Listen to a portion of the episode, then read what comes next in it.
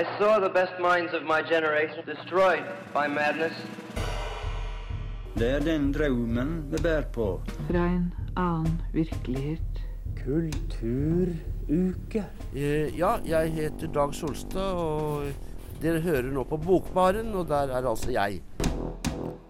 Ja, og i Bokbaren så er også vi Ingeborg og Magnus. Hallo, Magnus. Hallo, Ingeborg.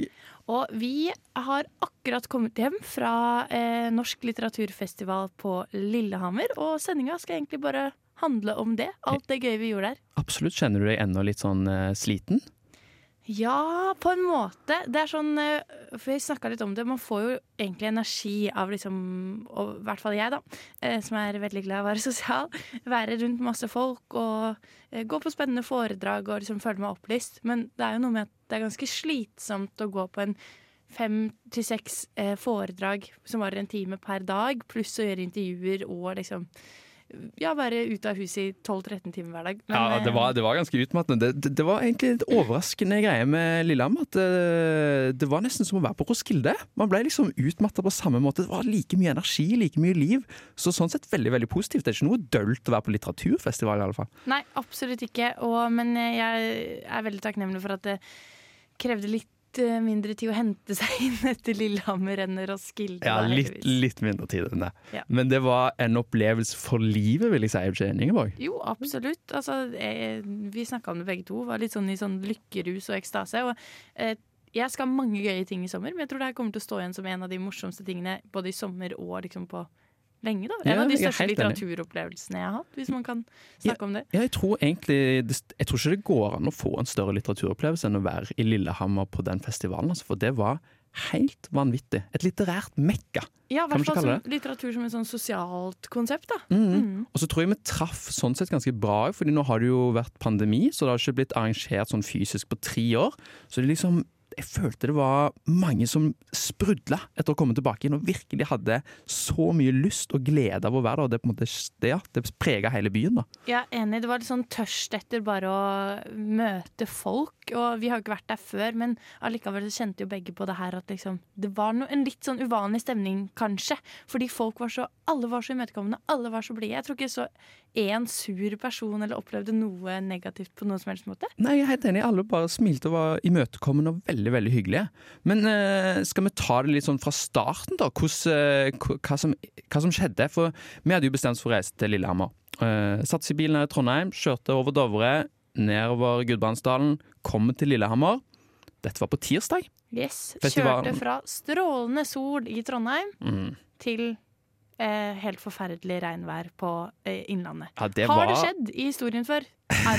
Ja, det var så vått den første dagen, og det var skikkelig grått, og det var litt trist.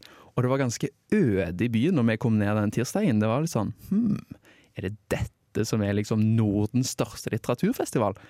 Så vi satt jo der, men og så tok de seg fort opp. Fordi vi gikk opp til Maihaugen, som er et sånt veldig stort, flott kultursenter, museum. En veldig sånn ærverdig og fin sal, og der var det tid for åpningsforestilling. Og der var, når vi gikk inn døra, så gikk vi forbi Anette, Trettebergstuen, kulturministeren, og du merka med en gang her var vi inne i kultur, eh, indre kulturkretser. Altså, det var virkelig sånn stemningsfullt.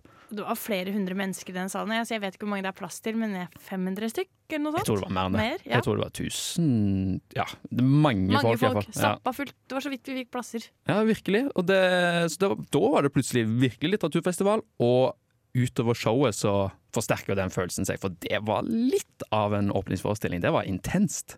Ja, fordi hva kan man på en måte forvente av en åpningsforestilling på en litteraturfestival?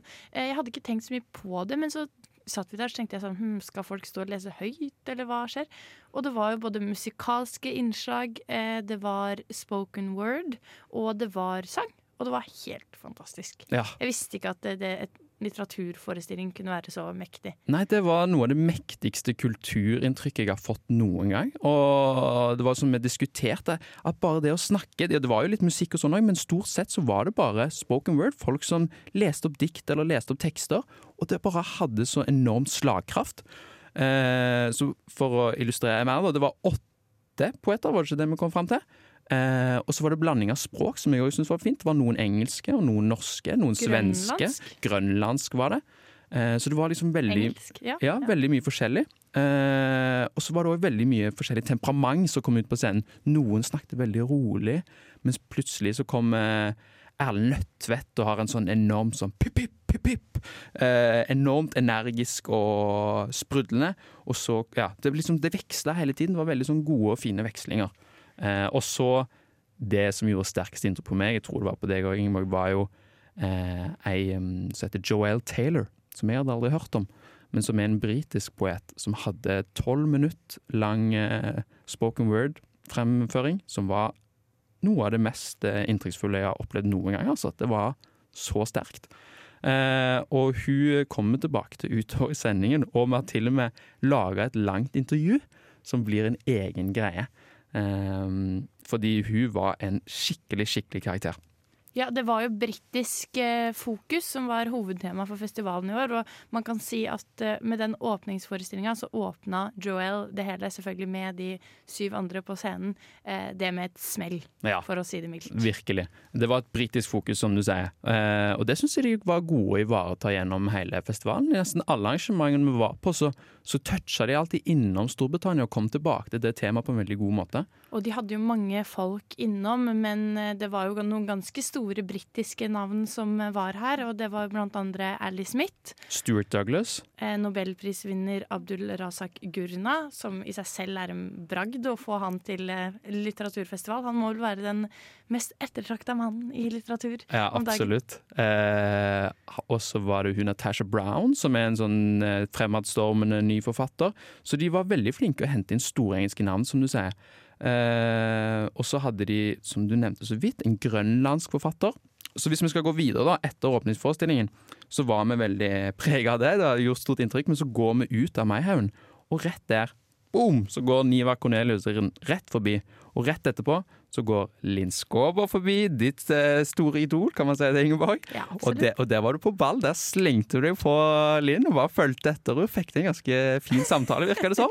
Ja, det ble hyggelig. Ja. Ja. Og, det, og det, liksom, det satte stemningen for hele festivalen. At du, liksom, du går ut fra denne salen, og så bare er det forfattere overalt rundt. Og du kan bare liksom hugge tak i folk, snakke med dem, og få til en spennende samtale med folk du har veldig ærefrykt for. Og det får man så enormt energi for. Du var jo helt sånn skjelven nesten etterpå. Ja, og det er kanskje det jeg vil si er veldig sånn spesielt med Lillehammer. Eh, fordi det er en så liten by, så blir det så kompakt. Og vi som kom dit eh, og før denne forestillingen trodde at eh, herregud, hva er det her? En spøkelsesby. Men så bare plutselig så er alle ute i gatene, og om du er eh, forlagssjef, forfatter, eh, publikum eller presse, det har ikke noe å si. Alle er på lik linje, og alle syns bare det er interessant å snakke med hverandre og si hei og gi hverandre et smil og dele noen flotte kulturopplevelser sammen. Absolutt sant. Og meg og deg kommer der som to uh, journalister fra studentradioen Liksom jeg føler meg langt ned på den rangstigen. Men det føltes ikke sånn i det hele tatt. Alle var bare veldig imøtekommende og hadde lyst til å snakke med oss. Og, og var, tok oss på alvor. Det var gøy. Uh, og så som du sier, Ingeborg, liten kompakt by. Det kryr av kjendiser. Så meg og deg, eh, vi ble jo litt sånn eh, barnslig på et vis, for vi gikk rundt og samla egentlig på sånne jingler.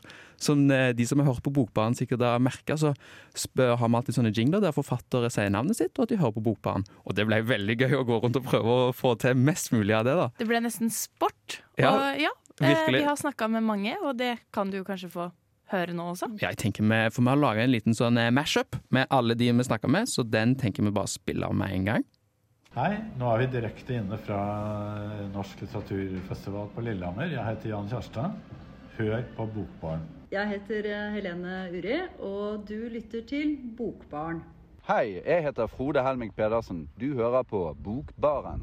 Hei, I'm Natasha Brown. You're listening to The Book Bar. Hallo, jeg heter Knut Nærum, og hvis du kan høre meg nå, så hører du på Bokbaren. Hallo, mitt navn er Espen Sturland. Du hører på Bokbarn.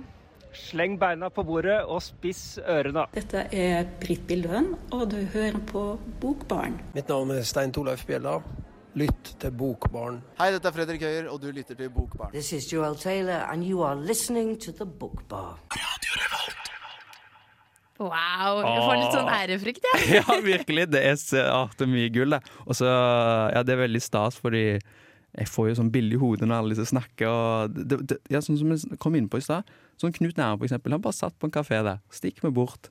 du, kan du lage en liten sånn jingle til radioen? Ja, selvfølgelig! Eh, Espen Stueland det samme, bare møte ham på gata, kan du lage en jingle? Alle var liksom så, så åpne og imøtekommende for det.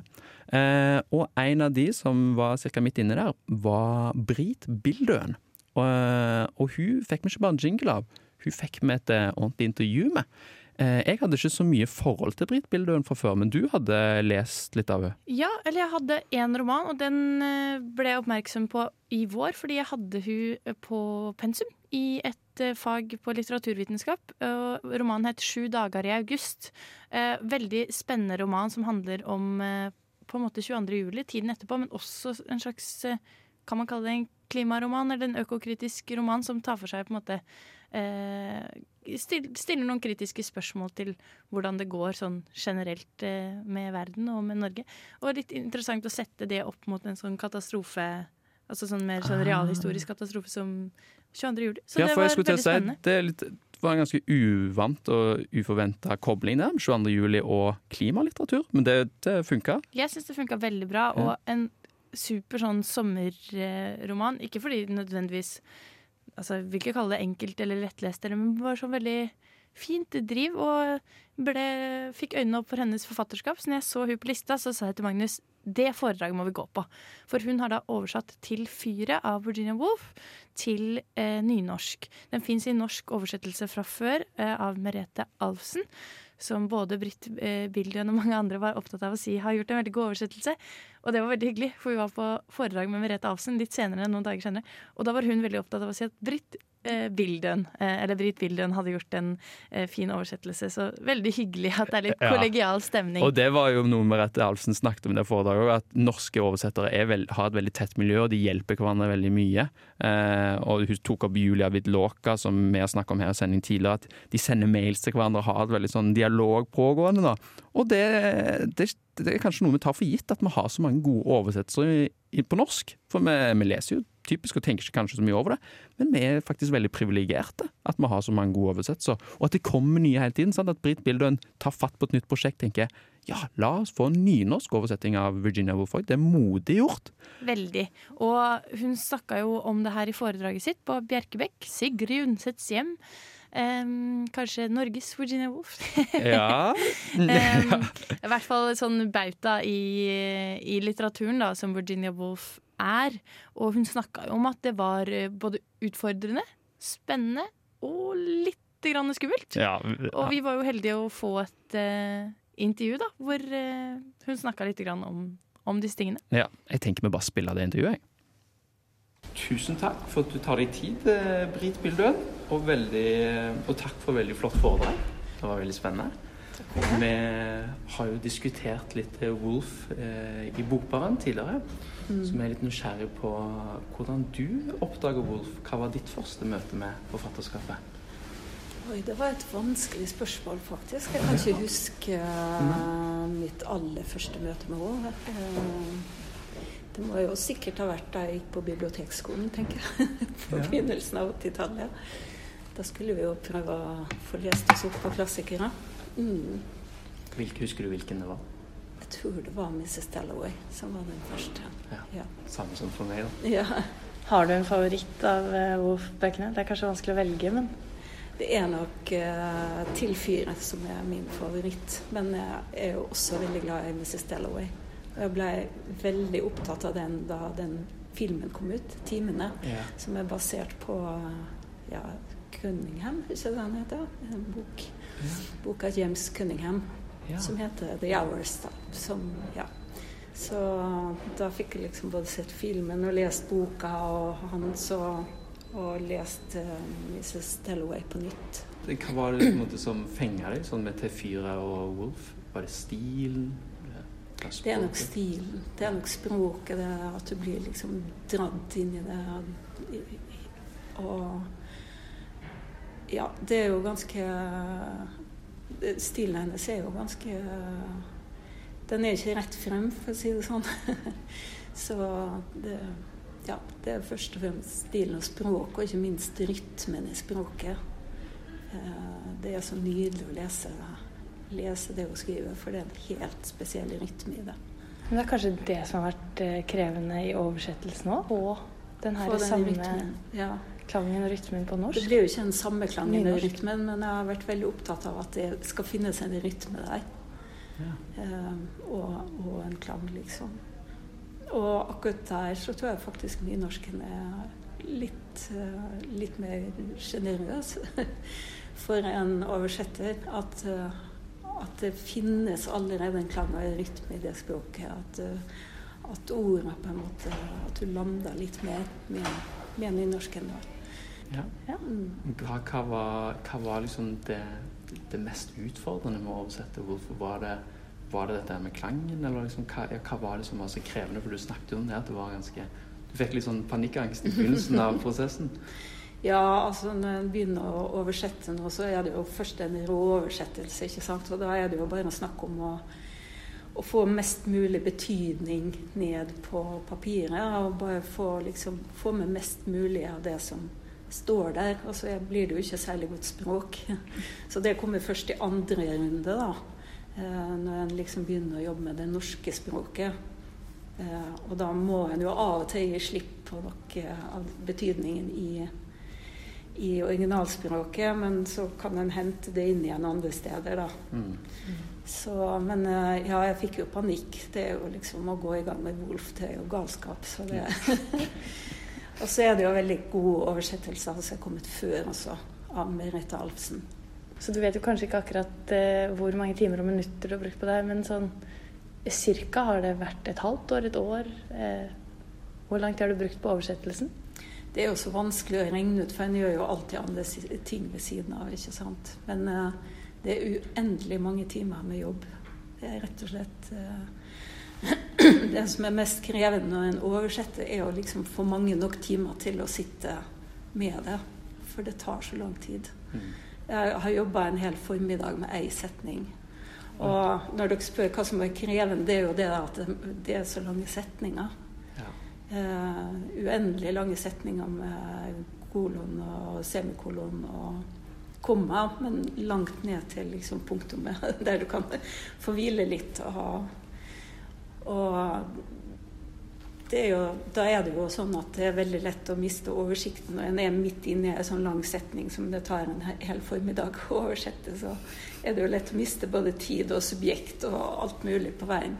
Ja. Hvordan går du til verks da? Liksom, har du, kan du ta deg frihet til å sette et punktum hvis det ikke er et punktum der, eller må du liksom være tro til hennes uh, setning? da? Må du liksom Jeg følge tror jeg har satt to punktum som ikke var der fra før. Ja, det er ikke verst. Ja, Det er en eh, bragd i seg selv. Har du et lesetips? Altså Akkurat nå så driver jeg og leser den. Nei, kvartetten. Årstidskvartetten av Alice Smith, som jo er her på Lillehammer eh, nå. Og har både forelesninger og samtaler. Og, eh, veldig Det er litt som Det er veldig forskjellig fra Virginia Woolf sin skrivestil, men det er litt sånn samme at det er en helt spesiell skrivestil som du liksom må komme inn i. Og når du først er inni det, så syns du bare det er helt fantastisk. Mitt navn er Stein Torleif Bjella. Lytt til Bokbarn. Ah, fantastisk dame, Britt eh, Bildøen, altså. Ja, veldig lun og fin å samtale med, altså. Ja, og det var veldig hyggelig at hun tok seg tid til å snakke med oss. Hun hadde jo akkurat stått og underholdt, si, i en time. Um, men det er jo kanskje noe som hun kom inn på i det intervjuet òg, at det er en forkjærlighet for selvfølgelig språk og oversettelse, men også for Wolf. Og det er jo ikke alle oversettere som Nå jobber jo Britt Billund hovedsakelig som forfatter, ikke oversetter, tror jeg, da. Men det er jo ikke alle forfattere som får oversette noe de syns er bra, alltid. Nei. Mens her har jo hun blitt spesialplukka da, for å oversette akkurat her. Og det lå jo en enorm kjærlighet for eh, både Wolf og hennes eh, språk og stil. Og det kan jo sikkert være veldig givende, men òg ganske utfordrende. Fordi eh, når man har et så nært forhold til teksten i utgangspunktet, så hvert lille nederlag man får, og hun snakket jo om det, at eh, du tok flere runder, og at når du hadde oversett hele boken en gang, så så hun på teksten din bare sånn Dette er jo totalt dødt. Dette funker jo ikke i det hele tatt. Og så må du gå inn igjen og så få til nyansene og begynne liksom å finspisse språket. da. Men alle sånne små hinder man møter på veien, må være ganske tungt når man vet hvor kvali høyt kvalitetsnivå egentlig er i utgangspunktet.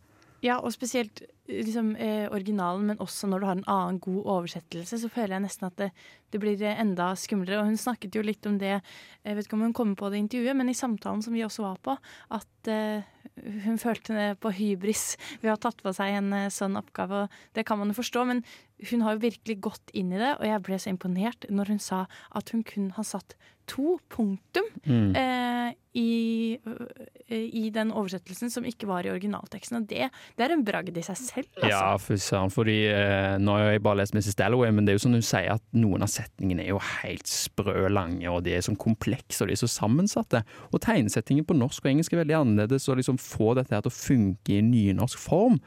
Det, det, da kan jeg skjønne at hun ikke har peiling på hvor mange timer hun har brukt, for det er sikkert mange timer. Og sånn som hun sier, én setning kan ta én formiddag. Det er jo, For å sette litt i perspektiv, liksom, hvor, hvor mye arbeid som ligger bak at vi får lese denne nynorske boken. Det er veldig viktig å huske på, og virkelig verdsette det.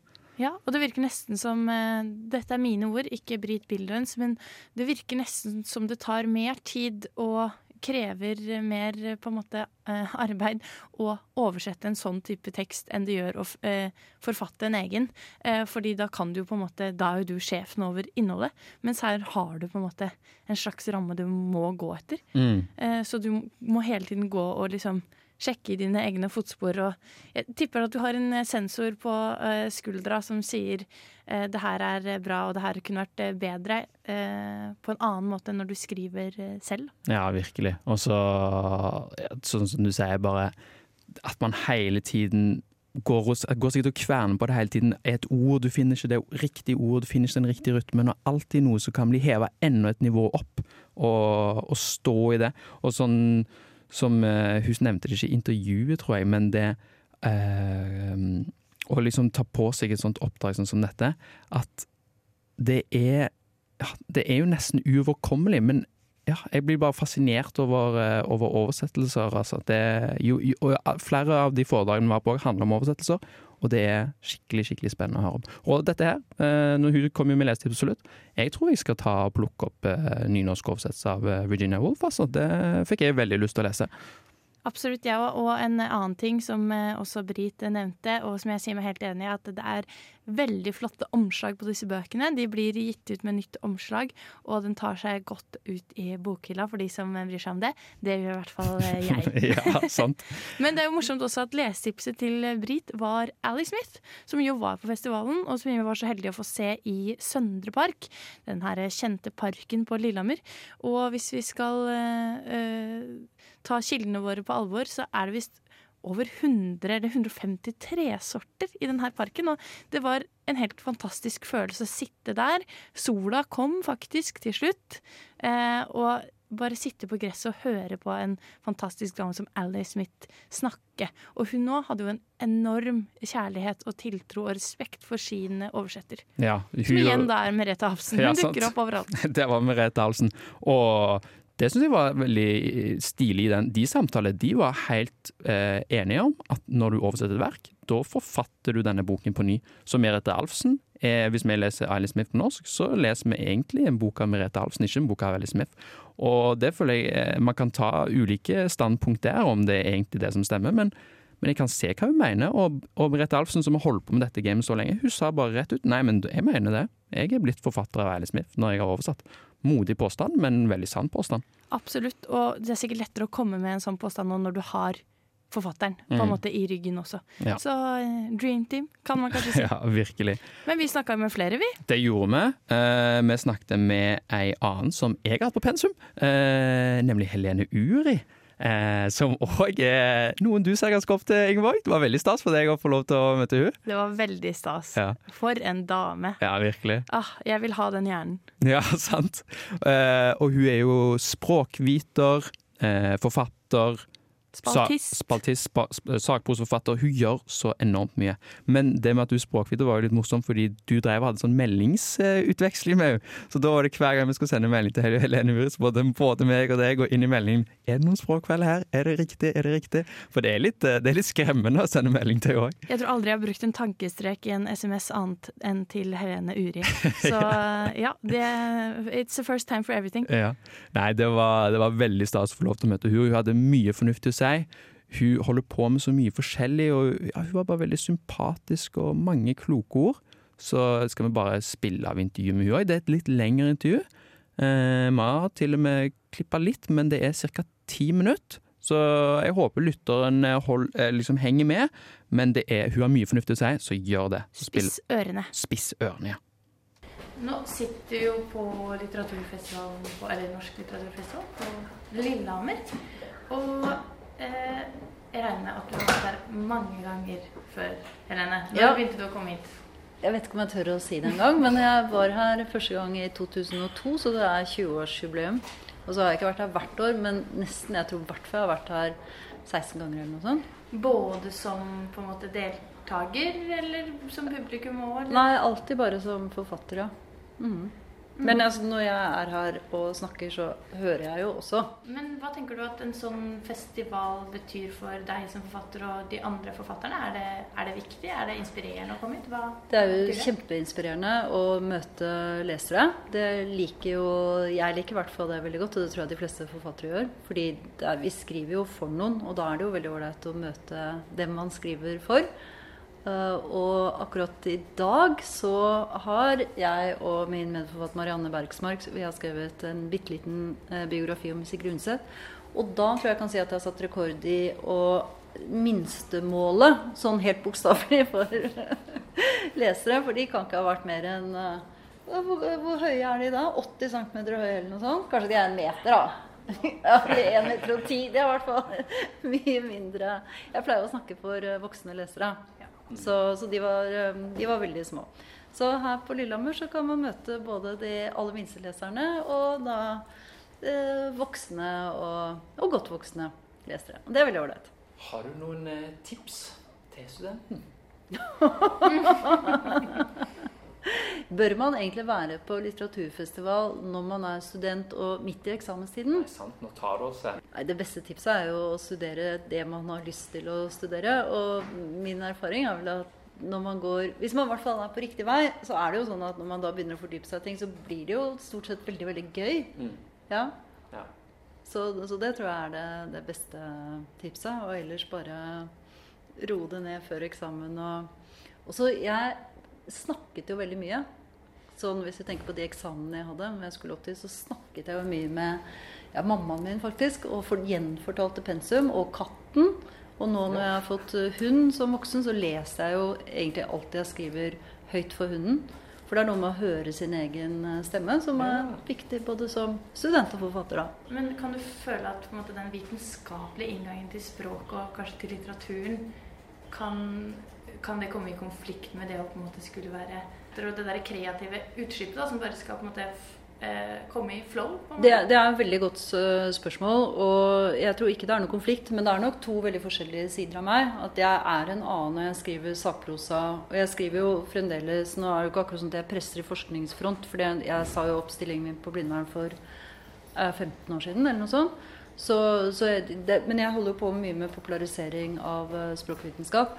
Og skriver sakprosabøker om, om språk, og språk er makt, språk og kjønn. Eh, og det er jo noe helt annet enn å skrive skjønnlitteratur. Så det er nok mer at det er to litt sånn adskilte deler, men som har veldig stor Jeg tror de to delene har veldig stor glede av hverandre. Altså det er ikke noe, så det er ikke noe konflikt. Men det er veldig annerledes å sitte og skrive en roman enn det er å sitte og skrive sakprosa. Ja, Så man må ikke legge vekk professoren når man skal eh, skrive skjønnlitteratur? Jo, det må man nok. Man må nok legge vekk det man har av uh, sensorinstanser. ikke sant? Så at du legger vekk det som sitter på skulderen din og sier at «Mm, 'dette er ikke bra nok', eller 'ja, men her mangler et komma'. Sånn kan man jo ikke tenke. Så, men sånn kan man jo ikke tenke når man skriver det første utkastet til noe sakprosa heller. Man må jo bare la, slippe det ut, og så sitte og redigere etterpå. Nå var du innom det at eh, et mål for deg å popularisere språkvitenskapen og Mm. fortelle at språk er makt osv. Mm. Er det noen forbindelseslinjer til skjønnlitteraturen på den vis? At det er et sånt prosjekt som ligger til bunnen der òg? Jeg kunne jo nå ha sagt noe om å gi de stemmeløse stemme og sånn, men det er vel ikke helt kanskje der mitt forfatterskap uh, har vært. Men jeg har jo vært eh, opptatt av å skrive frem gjenkjennelse. Altså jeg blir jo veldig glad når jeg møter lesere som sier at dette, her, dette er jo meg. Her skriver du noe som jeg har opplevd, og som jeg ikke helt har klart kanskje å, å uttrykke. Og også hvordan, eh, hvordan vi legger helt forskjellige ting i den samme teksten. Altså jeg kan møte lesere som da sier at ja, det, det, var så fint det du skrev, det gjorde sånn inntrykk på meg, det og det. Og så kanskje har jeg til og med glemt det. Eller jeg har snakket med en annen leser som har oppfattet det på en, på en helt annen måte. Og det sier i hvert fall noe om de forskjellige innfallsportene til, til språket vårt. Da, og, til, eh, og hvordan det er styrt av ja, de opplevelsene og de erfaringene vi har hatt. Men uh, har du noen sånne ritualer eller noen ting du må gjøre før eller under skrivingen? Eh, nei, det har jeg ikke. Jeg, jeg, er eh, lite avhengig av rødvin og måkeskrik og stillhet i skogen og sånn. Men jeg Og når jeg først er inne i en tekst, så kan jeg egentlig skrive hvor som helst. Altså jeg, jeg, har sittet på bussen og skrevet scener i en roman på mobilen, f.eks. Men det, da forutsetter at jeg er inne i teksten. Og det å komme inn i den, det, er jo mye, det kan jo være vanskelig. Og særlig når det er skjønnlitteratur, fordi man skal, sant, skal finne den litterære stemmen. Man skal jo føle at de personene man skaper, faktisk uh, er liv laga. Da. De, de skal jo kunne leve og underholde meg når jeg skriver en bok. Og selvfølgelig også være, bære en roman og være av interesse for leserne. Så det tar jo veldig ofte lang tid å finne de personene. Og da kan jeg ikke skrive noe selv. Da tror jeg nok jeg trenger kanskje litt tid, i hvert fall. Ja. Og sikkert litt ro også. Men ikke noen sånn spesielle omgivelser eller noe spesiell eh, drikke eller noe sånt noe. Og når jeg er over det, hvor som helst, når som helst. Ja, for Det høres ja. ut som at du nesten er helt fortapt inni det. Ja, ja, ja. ja. Ja, for da er liksom i den verden og tenker hele tiden gjennom romanpersonen. Så det er veldig ålreit. Så sakprosa er jo mye mer sånn arbeid. Beveger deg gjennom mange sjangere, som du sier. Det er sakprosa, og så er det romaner for voksne, kanskje ungdomsromaner, mm. og til barn. Og da er det både litt sånn sakprosa-bøker, men også mm. den herre eh, antologien av eventyr ja. som kom ut nå. Mm. Eh, hvordan er det å bevege seg over så mange sjangere, og er det noe spesielt med den her barnelitteraturen som kanskje er ekstra enten utfordrende eller givende? Jeg syns jo det er utfordrende å skulle tilpasse seg språklig. Og nå høres det veldig sånn teknisk ut, og nå hørtes jo nesten ut som de to sidene av meg møtes, i og med at jeg også Jeg har jo undervist i språktilegnelse for så vidt også, så jeg kan jo mye om akkurat de forskjellige fasene i barnespråk og sånn. Men jeg tror ikke jeg tenker så mye på det. Det er nok mer intuitivt. Men jeg, så utfordringen ligger jo i det å ha et fagstoff, eller ha et stoff, da, og så da vite hvordan skal jeg pakke inn dette for at det skal nå frem til lesere, eller lyttere, hvis de bare er, eh, sant, ikke har begynt å lese selv. Um, som jo for så vidt nesten er lettere, for da er det jo en foreldreinstans som kan hjelpe til med tolkningen. og ikke sant? Mm. Men uh, sånn de aller første bøkene som barn skal lese selv, det, det, skal jo noe til for at de skal bli grepet av det. Og det å forsøke å finne frem til den formen på stoffet, det er jo utfordrende, er jo det riktige ordet her. Det liker jeg godt, da. Ja, det må være en veldig fin tanke at du er med på den første litteratur reisen til mange barn, kanskje? Og er med å forme dem fra grunnen av? Dette er jo ren kynisme, selvfølgelig. For vi vet jo at det er jo der vi skaper leserne. Mm. Så det er jo de vi møter igjen som voksne etterpå, som skal kjøpe romanene våre. Ja, sant, mm. Så det er bare det. Men det er gøy. Vi har et spørsmål vi spør alle med intervjuet, om de har noen lesetips til Bokbarns lyttere. Jeg syns iallfall ikke man skal uh, tvangslese. Altså, har man lest 20 sider av en bok og ikke liker den, så får man bare gi seg. Syns jeg. Personlig så liker jeg jo veldig godt å relese. Jeg elsker å lese bøker om igjen. Uh, og særlig bøker som har betydd noe for meg kanskje i tidligere perioder. Og så ta dem frem igjen og så se hva, det, hva gir de bøkene meg nå. Sier de meg noe annet? Var det sånn det var? Og av og til så er det jo litt sånn åh, dette var jo veldig barnslig og ja. veldig sånn tydelig tematikk. Da. Men, uh, men det, det, gir meg jo stor glede. Og så uh, Jeg liker godt å lese bøker litt mer enn Altså jeg leser dem tvers igjennom, og så leser jeg de første kanskje 15-20 sidene om igjen. Fordi det er jo da, når man har kommet til slutten av boken, man ser det forfatteren gjør i åpningen. Alle agnene som legges ut, alt som ikke sant? Hvordan Da ser du veldig mye av den eh, oppbygningen som vi ikke legger merke til, og vi egentlig ikke skal legge merke til som lesere. Men når vi har kommet til slutten, så kan vi se all teknikken som forfatteren eh, bruker. da. Det liker jo jeg godt. Det er Dissekere den skjønnlitterære teksten. Og det var et veldig spennende svar, for det jeg egentlig tenkte på, var om du hadde noen sånne bøker som du ville anbefale våre lesere. Men det var jo kjempespennende tips, så tusen Ja. takk for det. Men eh, har du til slutt noen bøker da, som du vil anbefale til? En tittel, kanskje? En tittel? Eller en forfatter? En tittel. Eh, da kan jeg ta en sakkeprosabok. Da vil jeg anbefale Mona Ringveis eh, 'Landet mot nord', som er en eh, norgeshistorie fortalt gjennom 22 fortellinger. Altså personer som, som forteller om utviklingen fra Når er det hun begynner, da? Det er vel kanskje norrøn tid og så frem til i dag.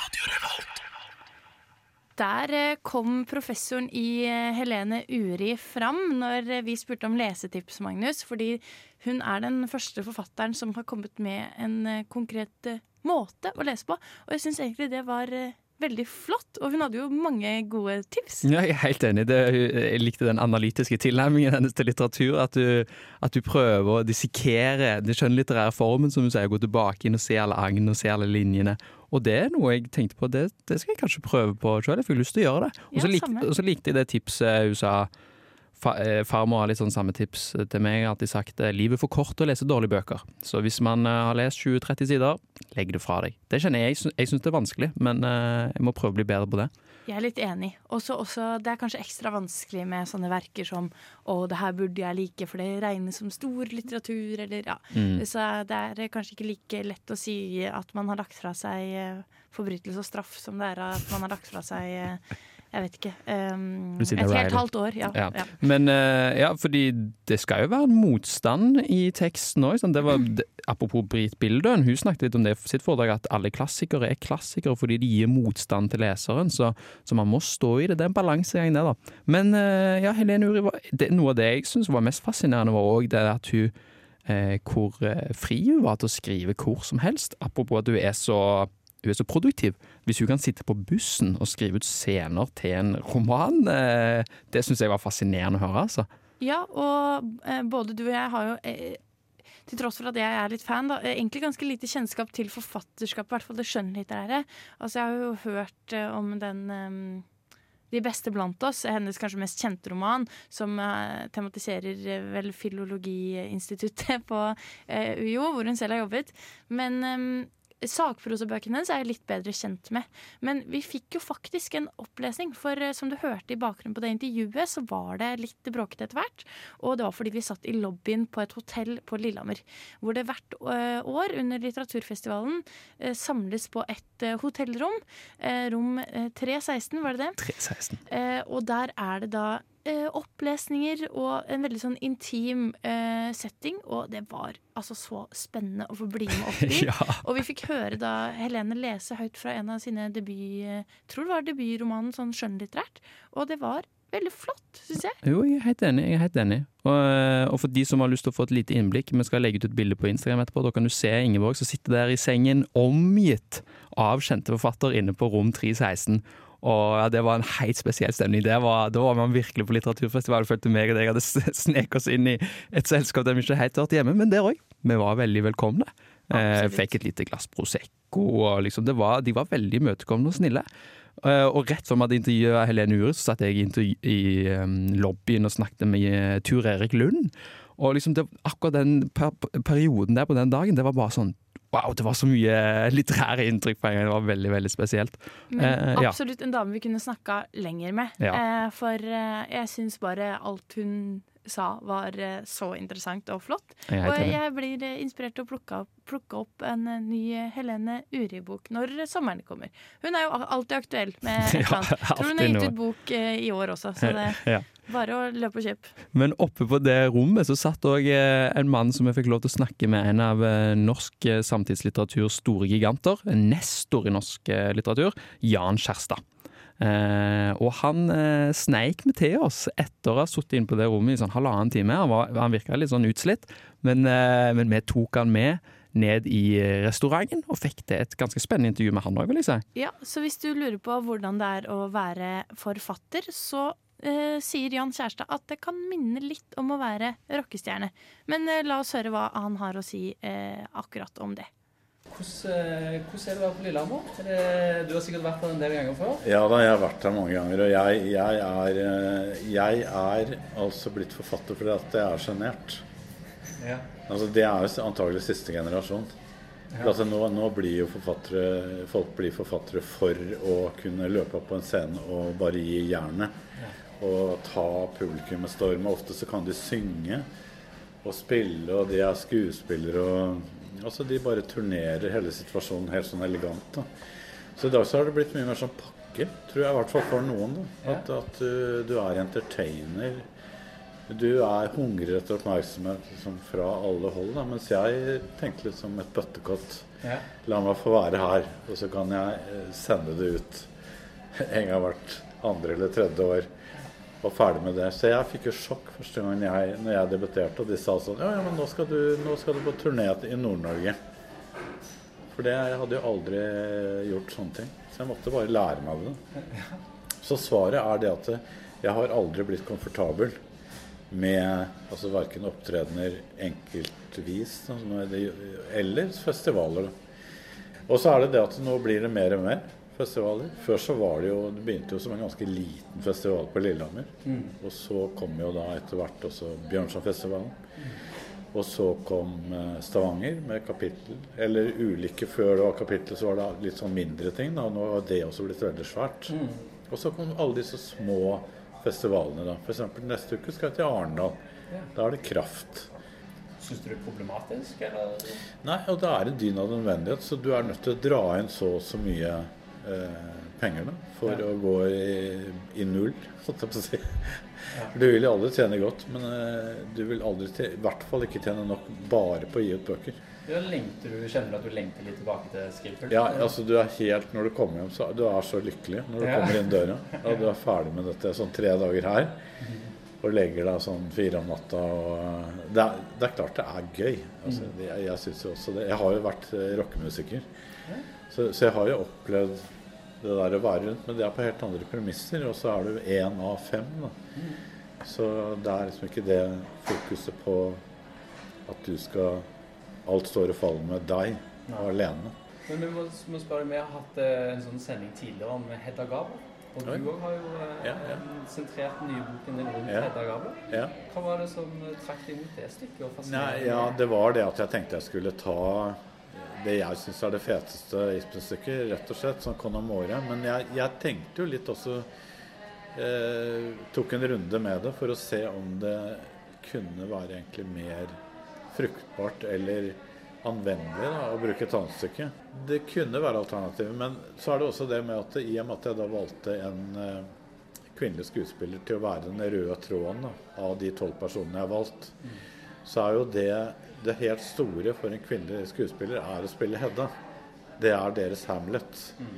Så alle de store kvinnelige skuespillerne de myrder jo for å en gang i karrieren få spille Hedda Gabler. Hun er gåtefull, og derfor så vet man at eh, nå, nå kan jeg gi min tolkning. Nå har 700 andre i løpet av de siste 20 åra gjort det, men det gjør ikke noe, for jeg kan finne min vinkel. Og hvis den rollen er endimensjonal, så kan du ikke det. For da er det på en måte bare tre måter å spille henne på, så må du velge en av dem. Nei, så det, det er Jeg tror det at eh, skuespillere eh, skjønner det, hvordan de kan eh, gjøre stykket Gi det en ekstra dimensjon. Er Og selv om det er spilt i filler på en måte fra før, da, så er det alltid en ny mulighet. Og da er det bra dramatikk. Har du et eh, student, eller tips til studentene i dag som du vil videreformidle? Ja, jeg har et veldig sterkt tips, og det er at de må aldri glemme at dette her er glanstiden i livet. Altså det, det er en, en mulighet og en tid og en sjanse til å altså både treffe folk, da, men også til å tilegne seg stoff. Når man er mest mottagelig for nye ideer og virkelig kan danne livet sitt. Da. Eh, og legge et sånn eh, helt eh, altså eh, ufrakommelig fundament for framtiden. Så, så er, på alle plan så er det glanstiden i livet, og det må man aldri glemme. Og man, Av og til så oi- oier man og akker som at dette er forferdelig, og du må lese så mye. Og, sånn. Men jeg kan jo si da, når jeg snur meg og ser tilbake, så var det den mest eh, fruktbare tiden i livet mitt. Boktips, eller et lesetips til bokmannslyttere? Jeg syns siden eh, vi er på en festival nå hvor Alice Smith, eh, den skotske forfatteren, er eh, en av de viktigste eller hovedgjestene. Og jeg var også nede og hørte henne i parken nå, som ble intervjuet av sin oversetter. Så jeg syns jo altså den siste kvartetten hennes, som heter da høst, vinter, vår og sommer, er et veldig Altså da, da gjør du ikke noe gærent. Men det er bare disse fem siste bøkene. Min favoritt er en som heter eh, 'Hotell Verden'. Og den åpner med et helt ubeskrivelig eh, skrivestykke. Eh, det er fem personer i den eh, romanen. Og hun første for, som forteller, det skjønner du ikke før tre fjerdedeler ut i den delen. Hun er død. Så hun forteller, og så mister hun langsomt språket. Og husker ikke lenger roen. Radio Radio. Radio. Radio.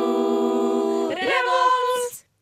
Ja, for de som ikke har sett Hedda Gabler, så ble det jo litt uh, spoila der av Jan Kjærstad, men det må, være kanskje, det må kanskje være lov når det begynner å bli eh, et par år siden. Ibsen ja. skrev stykket. Det må være lov. Eh, Jan Kjærstad, altså. Han, eh, han er en fin fyr. Jeg, jeg, jeg har ikke lest så mye av han før, men jeg har liksom hørt hans samtale. Og sånn som kom fram her òg, han, han har så mange strenger å spille på. Han, liksom, han, han har så mange referanser, han har så mye kunnskap å formidle. Og han var òg veldig sånn rolig og fin å sitte der i, i denne kafeen, litt bråkete kafeen. Vi må jo si unnskyld for den litt sånn eh, støyete bakgrunnsmusikken, men sånn er det på Lillehammer. Altså. På festival må man få forfattere ned der som det er mulighet. Absolutt. Da må man bare huke tak i dem, og da kan det bli litt eh, spennende ambient. Men Ja. eh, vi vil si at Jan Kjærstads ord veide tyngst i, i intervjuet. Ja. Og vi var jo heldige å få se han dagen etter, i samtale med Vigdis Hjort. Et foredrag som handla, handla om litteraturen etter metoo.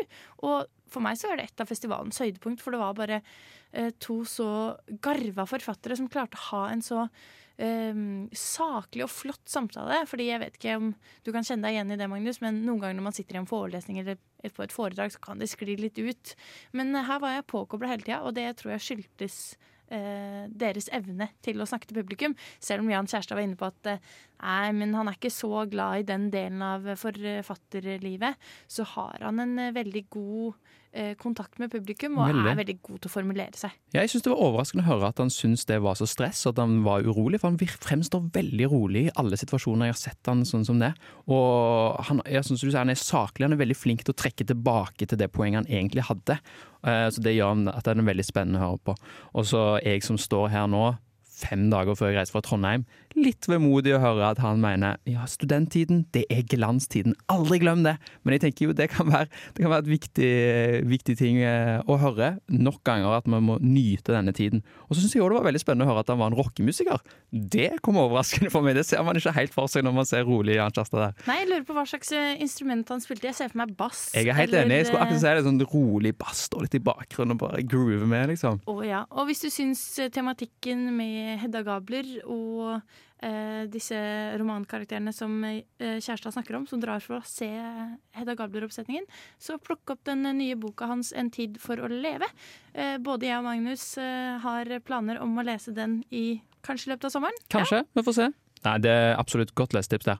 Eh, og så hvis vi skal gå litt videre i programmet, siste dag på festivalen, da satte vi oss i bilen igjen. Kjørte nordover, blir det, oppover Gausdal, mot eh, min eh, kjære Bjørnstanne Bjørnson sitt gamle hjem, Aulestad. Det var en veldig blid Magnus som kom fram Ja. dit i strålende solskinn, og det var jo vakkert. Ja, fy søren, det, det var nasjonalromantisk stemning når du ser det, de store, flotte dalsøkkene og den store gården her, og alle blomstene og Det lukta epletrærne. blåbærpannekaker, Ja, som tydeligvis var Bjørnsons favorittrett. Ja, sant. Altså, da kan man virkelig ta og føle på stemninga. Ja, virkelig. De hadde, de hadde ivaretatt det. Vi fikk dessverre ikke gått inn i Jævlestad, men bare det å gå rundt på denne flotte, ærverdige eiendommen var en stor opplevelse. Eh, og der skulle vi på et foredrag med en eh, sakprosforfatter, men òg professor på UiB, som jeg har brukt faktisk i min mastergrad, som er nye Store Bjørnson-kjenneren, vil jeg karakterisere han som. Ja, var helt ukjent for meg, men det handler kanskje også om at jeg ikke har dykka like dypt inn i Bjørnson som det du har, Magnus. Ja. Satte veldig pris på at du tok meg med dit og fikk høre på, fordi han holdt da Aulestad-talen, som faktisk var veldig interessant. Ja. Til tross for at jeg egentlig ikke har så veldig stort forhold eller kjennskap til Bjørnsons forfatterskap heller. Nei, eh, så det, det, det han mannen vi snakker om nå er Frode Helmich Pedersen, og det er sikkert ikke så mange som har så sterkt forhold til ham, for han er jo først og fremst professor, men han er òg en veldig flink formidler. Eh, han er i mange podcaster og snakker veldig Han har alltid en veldig skarp tone, flink å snakke, og han snakket litt om denne her Bjørnson-sammensetningen, å være en forfatter, og hvordan kan litteraturen påvirke samfunnet rundt? Hva er liksom forholdet mellom disse to tingene, litteratur og politikk, og, og ytringsfrihet, for det var òg en ting som gikk igjen på festivalen. Hvordan kommer det inn på litteraturen? Ja, og det handla også litt om at ytringsfriheten var trua. Mm. Og vi har jo glemt å nevne en veldig viktig eh, forkjemper for ytringsfriheten som var der, nemlig Maria Reza. Mm. Eh, vinneren av eh, fredsprisen, Nobels fredspris. Eh, og hun eh, er ute på kausjon. og tar faktisk store risikoer ved å reise rundt og snakke på festivaler som hun gjør nå, og snakker da om viktigheten av ytringsfrihet. Ja. Så at det var en gjentagende tematikk på festivalen, det var eh, helt eh, tydelig. Og fantastisk å få høre henne og da Frode Pedersen eh, snakke om dette her. Absolutt. Så det, var, det, var, det gjorde sterkt inntrykk, alle disse samtalene om det. Me- Meg og Frode Henrich Pedersen snakket ikke så mye om det intervjuet, men vi snakket om litt andre ting. Litt studietips og sånn der òg. Jeg tenkte vi bare spille det intervjuet med en gang. Yes. Tusen takk for spennende foredrag, Frode Emil Pedersen. Um, vi er jo her nede og lager radio for studenter. Du jobber jo mye med studenter, så det første jeg vil spørre om, har du et tips til alle studenter som hører på Bokbaren? Uh, ja, Studietips? Studietips uh, er å lese på papir. Uh, det, det tror jeg er veldig smart. Ja. Lese på papir. Eh, og ha, ha gode rutiner og disiplin. Eh, det, er, det, det er bare hardt arbeid som bringer deg eh, i mål. Ja. Ja. Jobb litt Jobb alltid, hver dag, litt med studiene. Ja. Eh, mitt, eh, min sånn tips når det gjelder det sånn sakprosalesing 30 sider om dagen, la oss si. Ja, det var jo overkommelig. Ja. Nå har vi jo nettopp vært og hørt om eh, Bjørnson, så, og jeg holder jo mye på Bjørnson, så jeg er litt nysgjerrig på hvordan havna du inn på Bjørnson? Du fikk sikkert litt sånn heva øyenbryn du òg når du sier at du har jobber med Bjørnson. Ja, men du skjønner det at når du er litteraturforsker, så leter du jo alltid etter uh, felter hvor det, hvor det fremstår uh, som muligheter da, for å si noe nytt og sånn. Og det var klart at Folk hadde jo snakket veldig mye om Ibsen i ganske lang tid. Uh, det var et veldig stort body of work, som det heter på engelsk. Og så tenkte jeg, hva med Bjørnson? Jeg må jo lese litt Bjørnson og se hvordan står det til der. Og hva gjøres egentlig på den fronten? Vi hadde også en forskergruppe på Universitetet i Bergen som hadde flere sånne foredrag om Bjørnson. da. Litt pga. Erik Bjerk Hagen ble interessert, som professor i, i Bergen. Eh, Så, så det er jo det å lese Bjørnson og så skjønne det at ja, hm, dette er jo ganske annerledes enn det jeg trodde det skulle være. Dette er jo f.eks. mye bedre enn jeg hadde hele tiden hørt at det var. Og mye mer på mange måter relevant. Og så oppdaget jeg vel Ja, jeg oppdaget at Bjørnson var en mye mer radikal figur. Det var viktig for meg eh, enn jeg trodde. Han var ofte rett og slett en person non grata i store deler av eh, de bedre sirkler i, i Norge. Og, eh, eh, og et eller annet med at eh, Ja, altså at, at den, den oppfatningen om at Bjørnson bare var en slags dårlig Ibsen, den vil jeg liksom få bukt med. Han har et helt annet prosjekt. Hans litteratur er av en helt annen art enn Ibsens. Og det var spennende for meg å jobbe med. Eh, og, og, og på en måte løfte frem Bjørnson igjen. da. Ja. Det høres ut som du er optimistisk, så du, du, tenker òg at Bjørnson er relevant den dag i dag? Ja, det, det er han, men han er vanskeligere å sette opp en, en Ibsen. Det skulle jo være en svær Bjørnson-oppsetning på Nationaltheatret, men så kom i 2020. Å ja. Men så kom pandemien, og så ble den uh, egentlig utsatt. Så jeg håper jo den kommer stykke over evne én og to. Ah. Ja. Ja. For toen spesielt den, Ja. eh, tenker jeg kunne vært kjemperelevant To, to, over emne to mener jeg absolutt, absolutt et stykke som burde vært satt opp i dag. Ja, helt enig. Ja. eh, skal vi heve det opp enda et nivå. da. Du har jo vært her og snakka om eh, ytringsfrihet og um, debattklima. Ja. Hva tenker du er litteraturens rolle med det du har snakket om her, om at det blir polarisert og det kanskje er vanskelig å ytre seg? Hva er litteraturens funksjon til dette? Ja, det, så det er jo et vi- vidt spørsmål, selvfølgelig. Men, men du kan si, hvis du skal si noe enkelt om det, så kan du si at ja, litteraturen er en tumleplass for nye ideer hvor du kan legge frem ting som du ikke nødvendigvis eh, mener selv. Du kan la en karakter eh, mene det, og så kan du utforske det på den måten. Og så kan du la det brytes mot andre karakterer og sånn. Så du får en mer sånn hva skal man si, en utforskende arena for uh, alle slags tanker da, i litteraturen. Den, den er i hvert fall veldig godt egnet til det, særlig romanen kanskje. Ja. Med større spillerom og Ja. Ja. ja. Og, og så, som du kan liksom prøve å feile litt. Og så er det jo det at du kan jo òg Du kan jo òg få vist, i motsetning til, til det du kan med Hvis du skriver bare en sakprosaartikkel, så kan du jo få vist på en helt annen måte. Du får anskueliggjort et samfunnsproblem. Det var jo det Bjørnson og Ibsen holdt på med. Mm. Altså vist hvordan virker dette på faktiske levende mennesker, det at vi har et sånt system, Ja. f.eks. Så, så der er det jo veldig mange muligheter for politisk litteratur. For litteratur som setter problemer under debatt. Hvorfor ikke? Vi har noen eh, lesetips? Ja, 25. septemberplassen er jo det. da. Det mener jeg også for de som vil lære om hvordan form, eh, altså litterær form, får, kan få politisk virkning. Det er en, veldig, eh, en bok som kan studeres grundig for å se hvordan det fungerer. Du stiller deg det spørsmålet. At denne boken er skrevet på akkurat denne måten, hva gjør det med innholdet, det politiske, si, sprengkraften i den romanen? Men du hører på Radio Revolt her i eh, Trondheim, studentbyen. 25. septemberplassen skrevet av Dag Solstad, altså, som vi også møtte på festivalen, Magnus. Ja, det var stas. Og, du ja. og eh, Frode deler eh, samme favorittbok, eller lesetipsbok? Ja, for den 25. september- septemberplassen leste jeg for noen sommer siden, og det var veldig fin sommerlektyre. Og det er en sånn gammel, litt sånn glemt Solstad-roman som virkelig er levende litteratur, og sånn som Frode kom inn på der, at det, det får fram det politiske prosjektet til Solstad den perioden på en veldig sånn følsom og fin måte. Så godt lesetips der. Og det var stas å få høre om Bjørnson etter å ha fordypa seg i et halvt år, at, liksom at han er relevant, at han, han må få bukt med den tanken om at han bare er en mindreverdig Ibsen, for han har et annet prosjekt som eh, Frode Pedersen kom inn på der. Så det var, det var noe av eh, litteraturfestivalens høydepunkt for min del. Ja, det skjønner jeg eh, veldig godt. Og det var jo i tillegg eh, noe som han kom inn på i denne Aulestad-talen, da, Frode, om er Bjørnson relevant? Og det var også et tema eh, med Jan Kjærstad og Erlend Nødtvedt og Frode. Ja. Eh, er Ibsen relevant? Eh, Og det her er jo to giganter i norsk litteratur. Men så er det også invitert giganter som vi har vært inne på, altså Ally Smith, eh, eh, Abdul Razak Gurna eh, og mange store samtidsforfattere i Norge. Eh, Helene, Helene Uri, eh, Vigdis Hjorth. Frode Grytten. Ja, Frode Grytten. Eh, Stein Torolf Bjella. Ja. Eh, og, men en annen ting som jeg vil berømme Lillehammer for, det er at de er veldig flinke på å få fram også debutanter og helt ferske forfattere, og mange unge stemmer. eh, Både ved å dele ut priser, men også ha ulike arrangementer.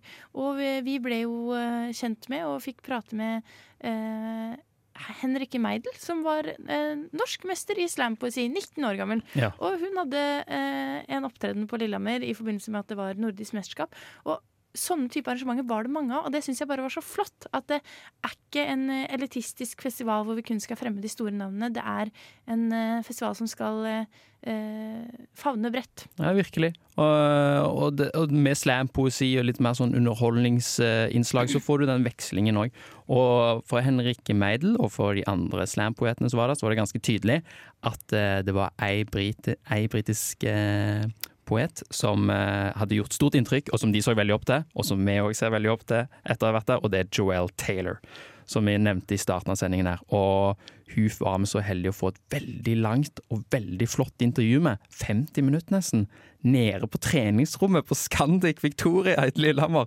Det var en, eh, det var en intens opplevelse, altså. Ja, det var en workout for the brain. Ja, det var workout for the brain. Og det var, det var så bra intervju, hadde så mye fint å si. Eh, og der var det ingen bakgrunnsstøy for en gangs skyld. Så det blir en egen sending som vi virkelig håper at alle går og sjekker ut den òg, altså. Ja, jeg, en, dette er en oppfordring til eh, alle bokbarnlyttere eh, med respekt for seg selv, eh, for å eh, quote Hans Olav Brenner. Eh, hør det intervjuet, eh, eller så må du fortsette å leve uopplyst. For det var bare virkelig en fantastisk dame å lytte til og snakke med. Ja. Så sjekk ut eh, intervjuet med Joel. Ha det bra! Ha det bra! This is Joel Taylor, and you are listening to The Book Bar.